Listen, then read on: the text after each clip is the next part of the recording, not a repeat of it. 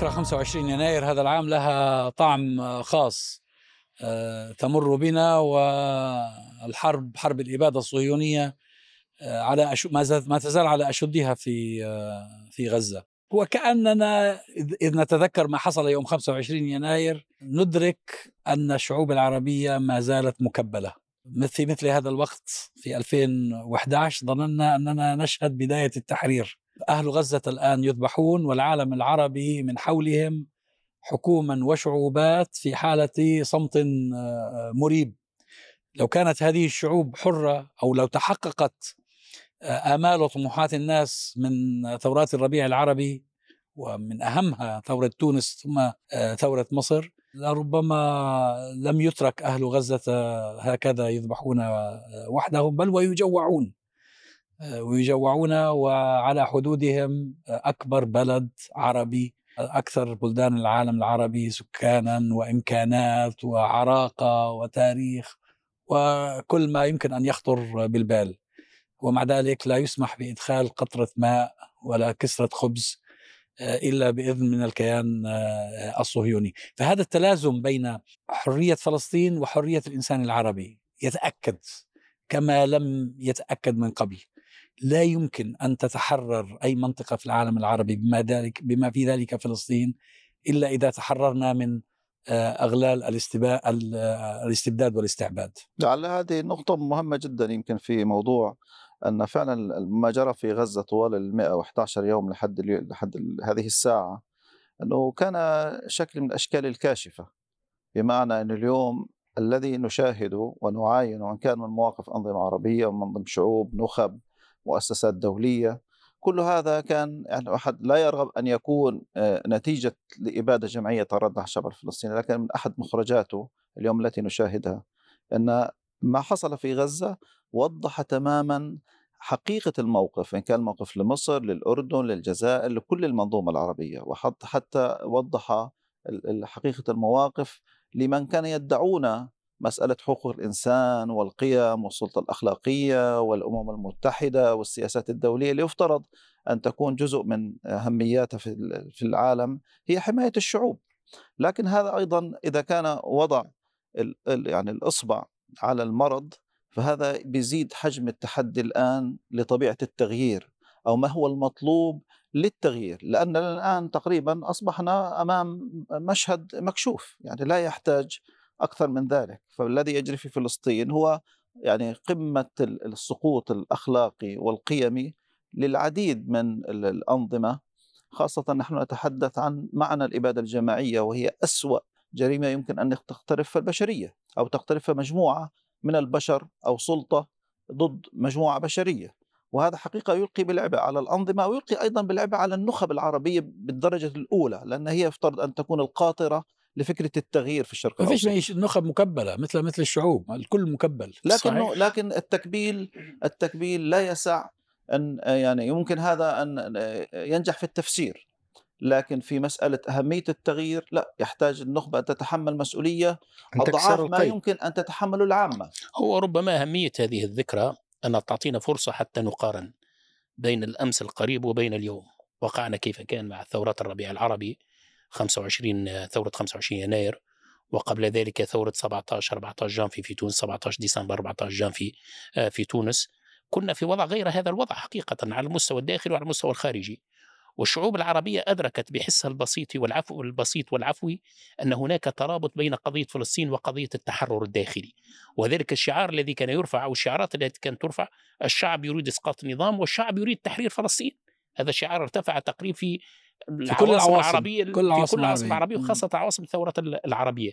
فالناس تدرك هذه العلاقة الوثيقة العلاقة الجدلية بين الهيمنة الأجنبية وبين موضوع فلسطين والمشروع الصهيوني وبين التحرر الاستبداد الداخلي. الاستبداد الداخلي في العالم العربي مش صناعة محلية داخلية هو صناعة دولية في حقيقة الأمر. هناك سياسات دولية هناك يعني خيارات كبرى للدول الكبرى. منذ أن تشكل العالم العربي في وجه الحديث هذا منذ أن انسحب العثمانيون الأتراك بعد الحرب العالمية الأولى من العالم العربي وتشكلت هذه الكيانات السياسية سواء سميناها الدولة القطرية أو الدولة الوطنية الحديثة سميها ما شئت زرعت يعني بذور الاستبداد الداخلي ووضع عربي مشوه قائم على التجزئة وعلى الاستبداد.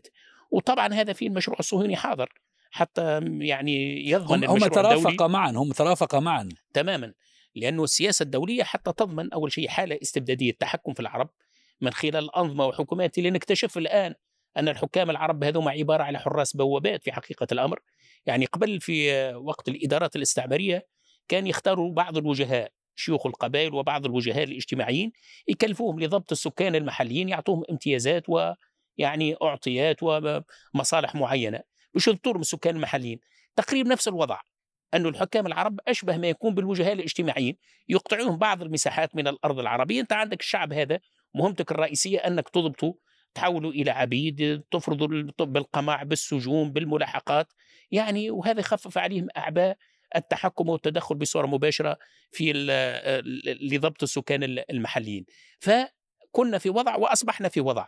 يعني إحنا نستحضر يعني المقولة الشهيرة المرحوم محمد مرسي خلال أزمة غزة ونذكر هذا ذلك جيدا. أنا كنت في زيارة يعني مشيت على عين المكان دخلت غزة في ذلك الوقت. لن نترك غزة وحدها. يعني الحرب توقفت أو العدوان توقف بعد أيام قليلة.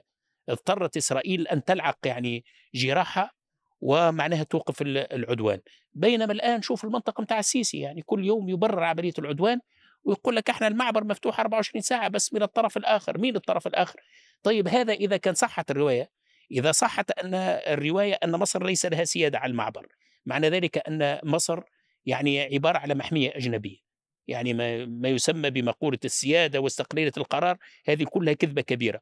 وإذا الأمر ليس صحيح أن المعبر تحت سلطة مصر وهي لا تسمح بإدخال المساعدات فمعنى ذلك أن مصر السيسي متواطئة وجزء من هذا العدوان.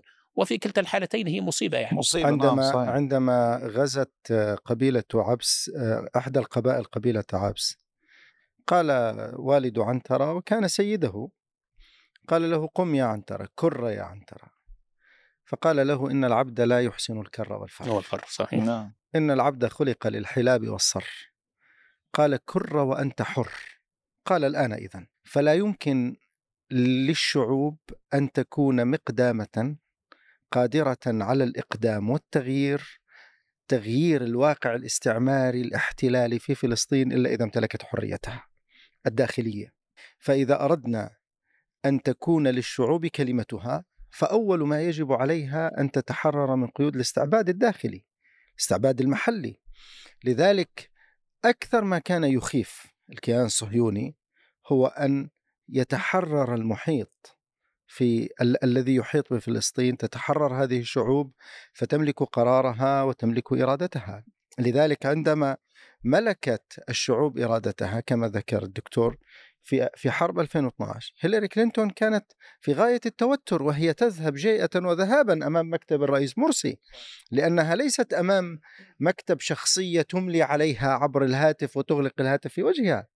فهذا الشيء هو الذي يرعب الصهاينة اليوم إحنا بحاجة إلى أن نسأل أنفسنا سؤالا كبيرا. في ذكرى آه، قبل أيام كانت ذكرى هرب بن علي.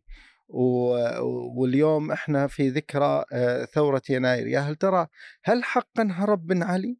هل حقا سقط آه، حسني مبارك؟ هل حقا حدث هذا كله؟ أم أننا كنا أمام مشهد يحتاج منا إلى وقفة من المراجعات الحقيقية في مفهوم الثورة؟ هل عشنا أنصاف ثورة؟ هل نحن بحاجة اليوم إلى الاحتفاء بالذكرى أكثر أم بحاجة إلى النظر فيما يجب أن تولده فينا هذه الذكرى من آليات عمل من مراجعات تجعلنا ننهض من جديد. أنا مقتنع أن ما جرى في غزة عام 2009 2008 2009 كان آه له دور كبير. العدوان الأول. العدوان الأول. كان له دور كبير في الربيع العربي. صحيح. نعم. الشعوب استطاعت أن ترى نموذجا استطاع أن يكسر الإرادة الصهيونية فكان هذا أحد أهم الأمور التي أججت. واليوم ما يجري في غزة وإن كنا نرى هذه الشعوب آه، في حالة من التفاعل ربما العلني الذي لا نرضاه.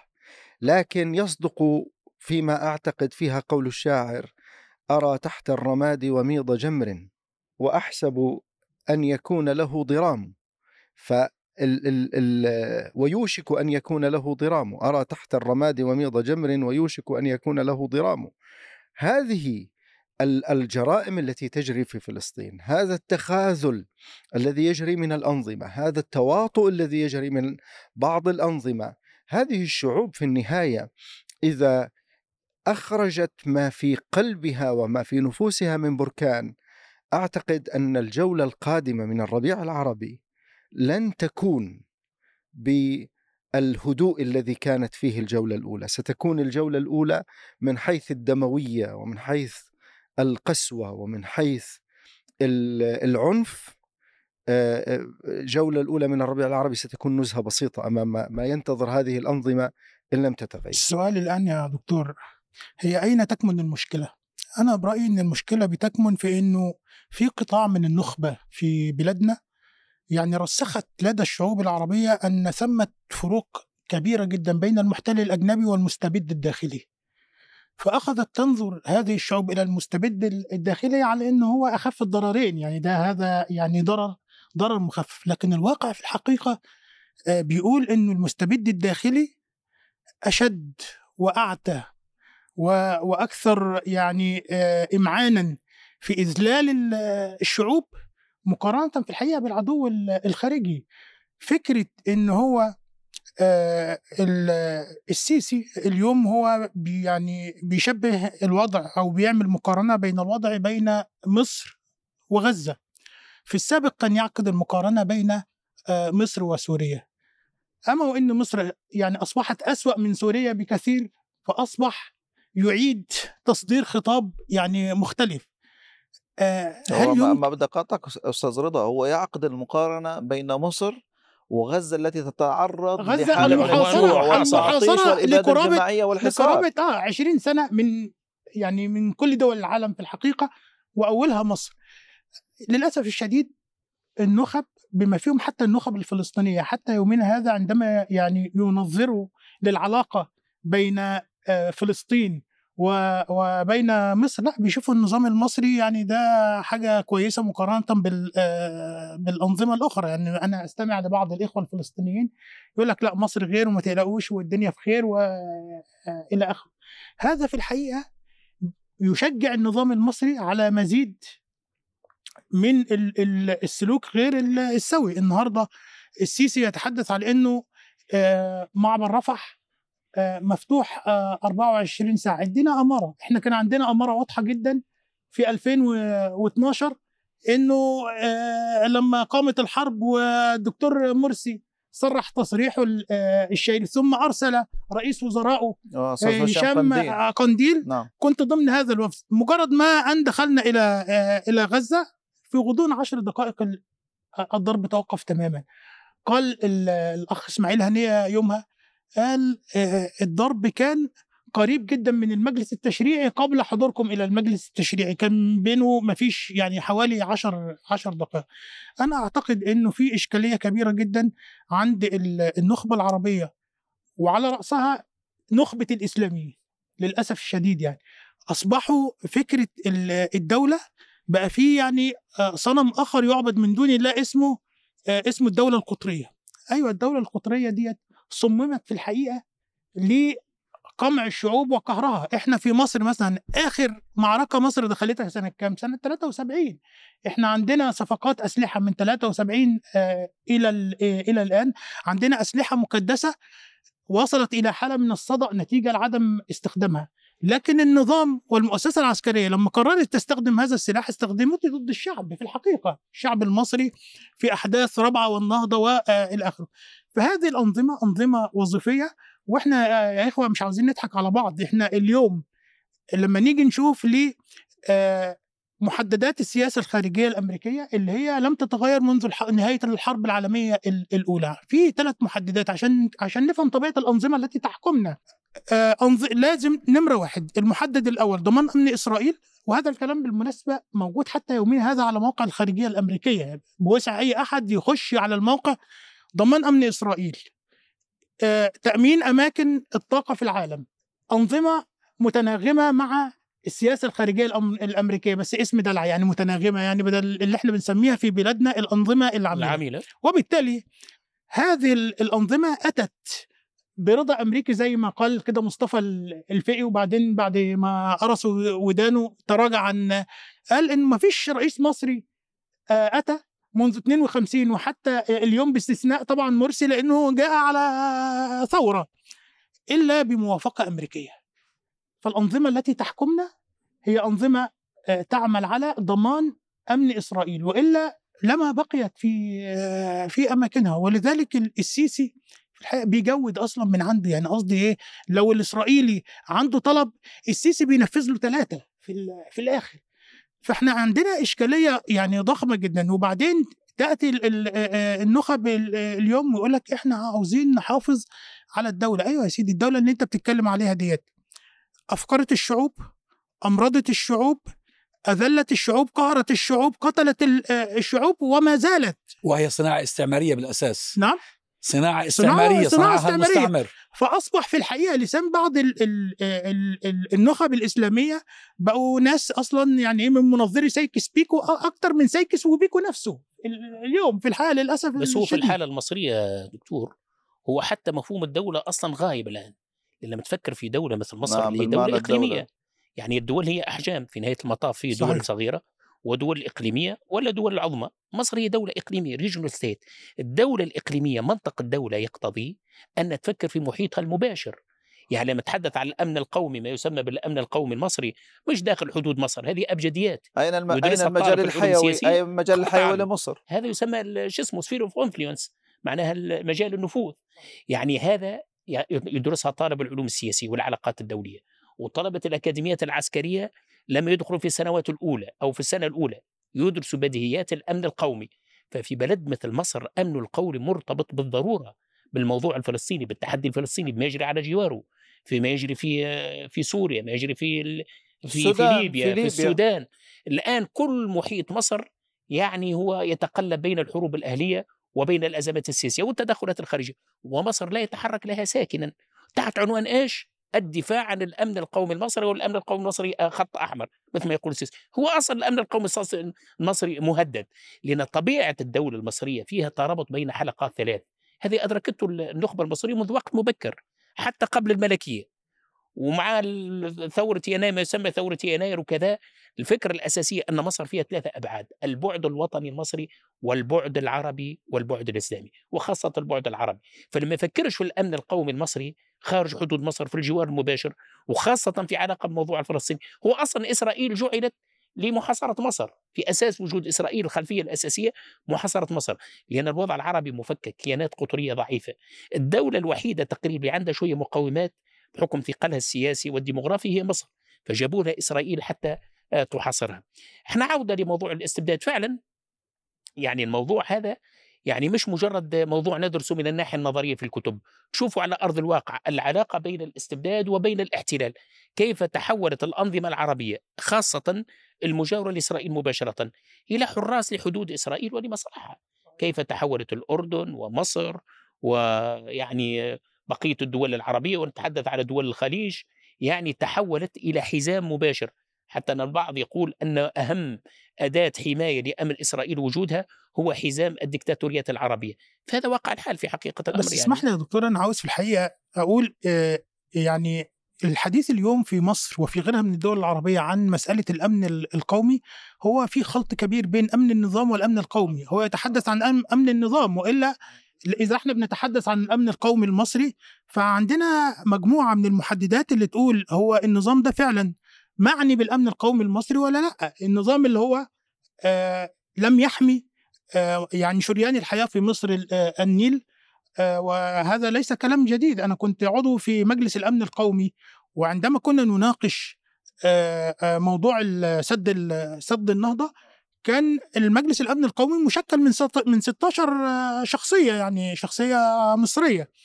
كان في 15 مع قرار ضرب سد النهضة وعم وعدم السماح بإقامته لأنه تهديد استراتيجي لمصر. كان في واحد بس هو اللي رافض كان هو السيسي. هذا الكلام مسجل في محاضر والمحاضر تحت تحت إيدينا. وقتها في الحقيقة يعني كان أنا لما أتنبه لأمر. غياب المعلومات يا اخوه يا إخوة عند الإسلاميين إشكالية ضخمة جدا جدا جدا. اللواء محمود حجازي كان في هذا التوقيت أنا آسف إن أنا بفصل بس مسألة مهمة يعني. كان رئيس المخابرات الحربية فالدكتور مرسي طلب منه تصور. إحنا هنقوم بالمسألة دي. فأتى بتصور رائع. أنا ساعتها في غياب المعلومات أنت بتقول معقول رئيس يعني المخابرات الحربية هيخالف رأي وزير آه، الدفاع من الناحية العملية؟ صعب. طبعا اكتشفنا فيما بعد إن هم بينهم خلافات آه، ضخمة لكنها لم كان آه، لم تكن ظاهرة في هذا التوقيت. فعندنا يعني كان رأيه مخالف لرأي السيسي كان عند لا ده جايب خطة متكاملة لضرب صد النهضة و... وبيقول عندنا ثغرة وحيدة عاوزين نسد الثغرة ديت. كان أياميها إيه محتاجين يحصل نوع من ال يعني آه، آه، موضوع اللي هو يعني وضع الوقود في الجو كده لأن المسافة يعني تزود- آه، طويلة تزود بالوقود في آه، الجو. تزويد آه. الطائرات بالوقود كانت. إشكالية موجودة فكان محتاجين شراء طائرة وما إلى ذلك يعني. فعندنا سد النهضة وعندنا تيران وصنافير اللي هي أصلا حرب 67 قامت عشانها عشان تيران وصنافير وعندنا الغاز في شرق ال- البحر المتوسط وعندنا السيادة على سيناء تهجير أهالي سيناء من أجل عيون الإسرائيلي المنطقة العازلة من أجل حصار غزة ضرب الأنفاق. فين الأمن القومي المصري هنا؟ ما الذي بقي من مصر؟ هذا هذا أمن النظام وليس الأمن ال- القومي المصري. وما زال السيسي يراهن حتى الآن على صفقة القرن وهو ينتظر عودة ترامب مرة أخرى. وإلا لماذا يبني السيسي في الوقت اللي هو بيرحل فيه أهالي سيناء من سيناء؟ يبني مدينة سكنية تسع لملايين ال- البشر بها مطار. وبها ميناء بحري ومصمم لها منطقة تجارة حرة وأخيرا مجمع سجون مؤخرا سري اكتشف خلال ال- في منطقة الجفجافه آه بالظبط كده اكتشف في خلال الساعات القليلة ال- آه، الماضية. فهي حديث في الحقيقة عن إن الأنظمة العربية آه، معنية بالامن ال- آه، القومي. أنا بتهيألي ده حديث مبالغ فيه. آه، مصداقا لما تجاوزناه يعني. مصداقا لما تفضلتم به. الآن كل الأجهزة الأمنية الموجودة في العالم العربي آه، مهمتها الأساسية هي حماية الحاكم. أمن المواطن لا قيمة له. المواطن يا سيدي في حرب آه، أمن ال- 1967 الأرض أمن الجوار كله لا قيمة له. في حرب 1967 عندما آه، يعني احتلت آه، آه، ال- الثلاث دول عربية وهزمتها في ست ساعات وسميت يومها حرب الست أيام. آه، خرج الإعلام العربي الذي يعني ينطق باسم الاستبداد ليبشر الشعوب بأن هذه الحرب هزمت فيها إسرائيل رغم أنها احتلت الأرض. ورغم إنها أخذت سيناء وأخذت الجولان وأخذت جزء من الأردن وأخذت جزء من من لبنان. كيف هزمت؟ هزمت لأن همها كان أن يسقط الحاكم والحاكم بقي في إيه، مكانه.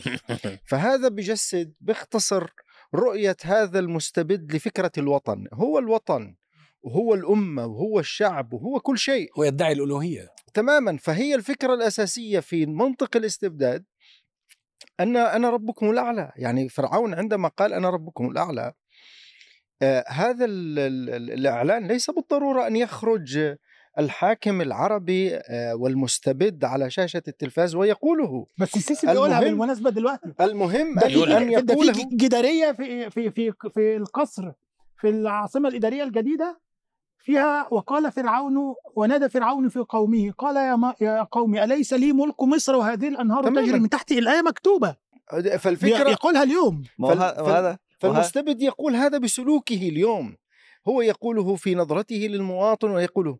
فلذلك ونحن نتحدث عن الربيع العربي. أنا أعتقد أهم ما كسره كسرته الموجة الأولى من الربيع العربي هي الخوف المعشش في قلب الإنسان العربي. نعم. كان في خوف حقيقي بأنه هذه أنظمة لا يستطيع أحد أن يزلزل عروشها إلا الله عز وجل. المخلوق يجب أن لا يتدخل. هذه أنظمة جاء ربنا عز وجل وضعها على رقاب الشعوب وربنا عز وجل هو الوحيد القادر على إزالتها. بل إن بعض ال- ال- الأنظمة كانت وبعض أجهزة المخابرات كانت توحي أن الإرادة الإلهية والعياذ بالله نفسها غير قادرة على زلزلة هذه العروش فالإنسان العربي كان يعيش حالة من الخوف المعشش في قلبه واليأس. وحالة من اليأس اليأس. والإحباط والشعور أنه خلاص هذه أنظمة مستمرة.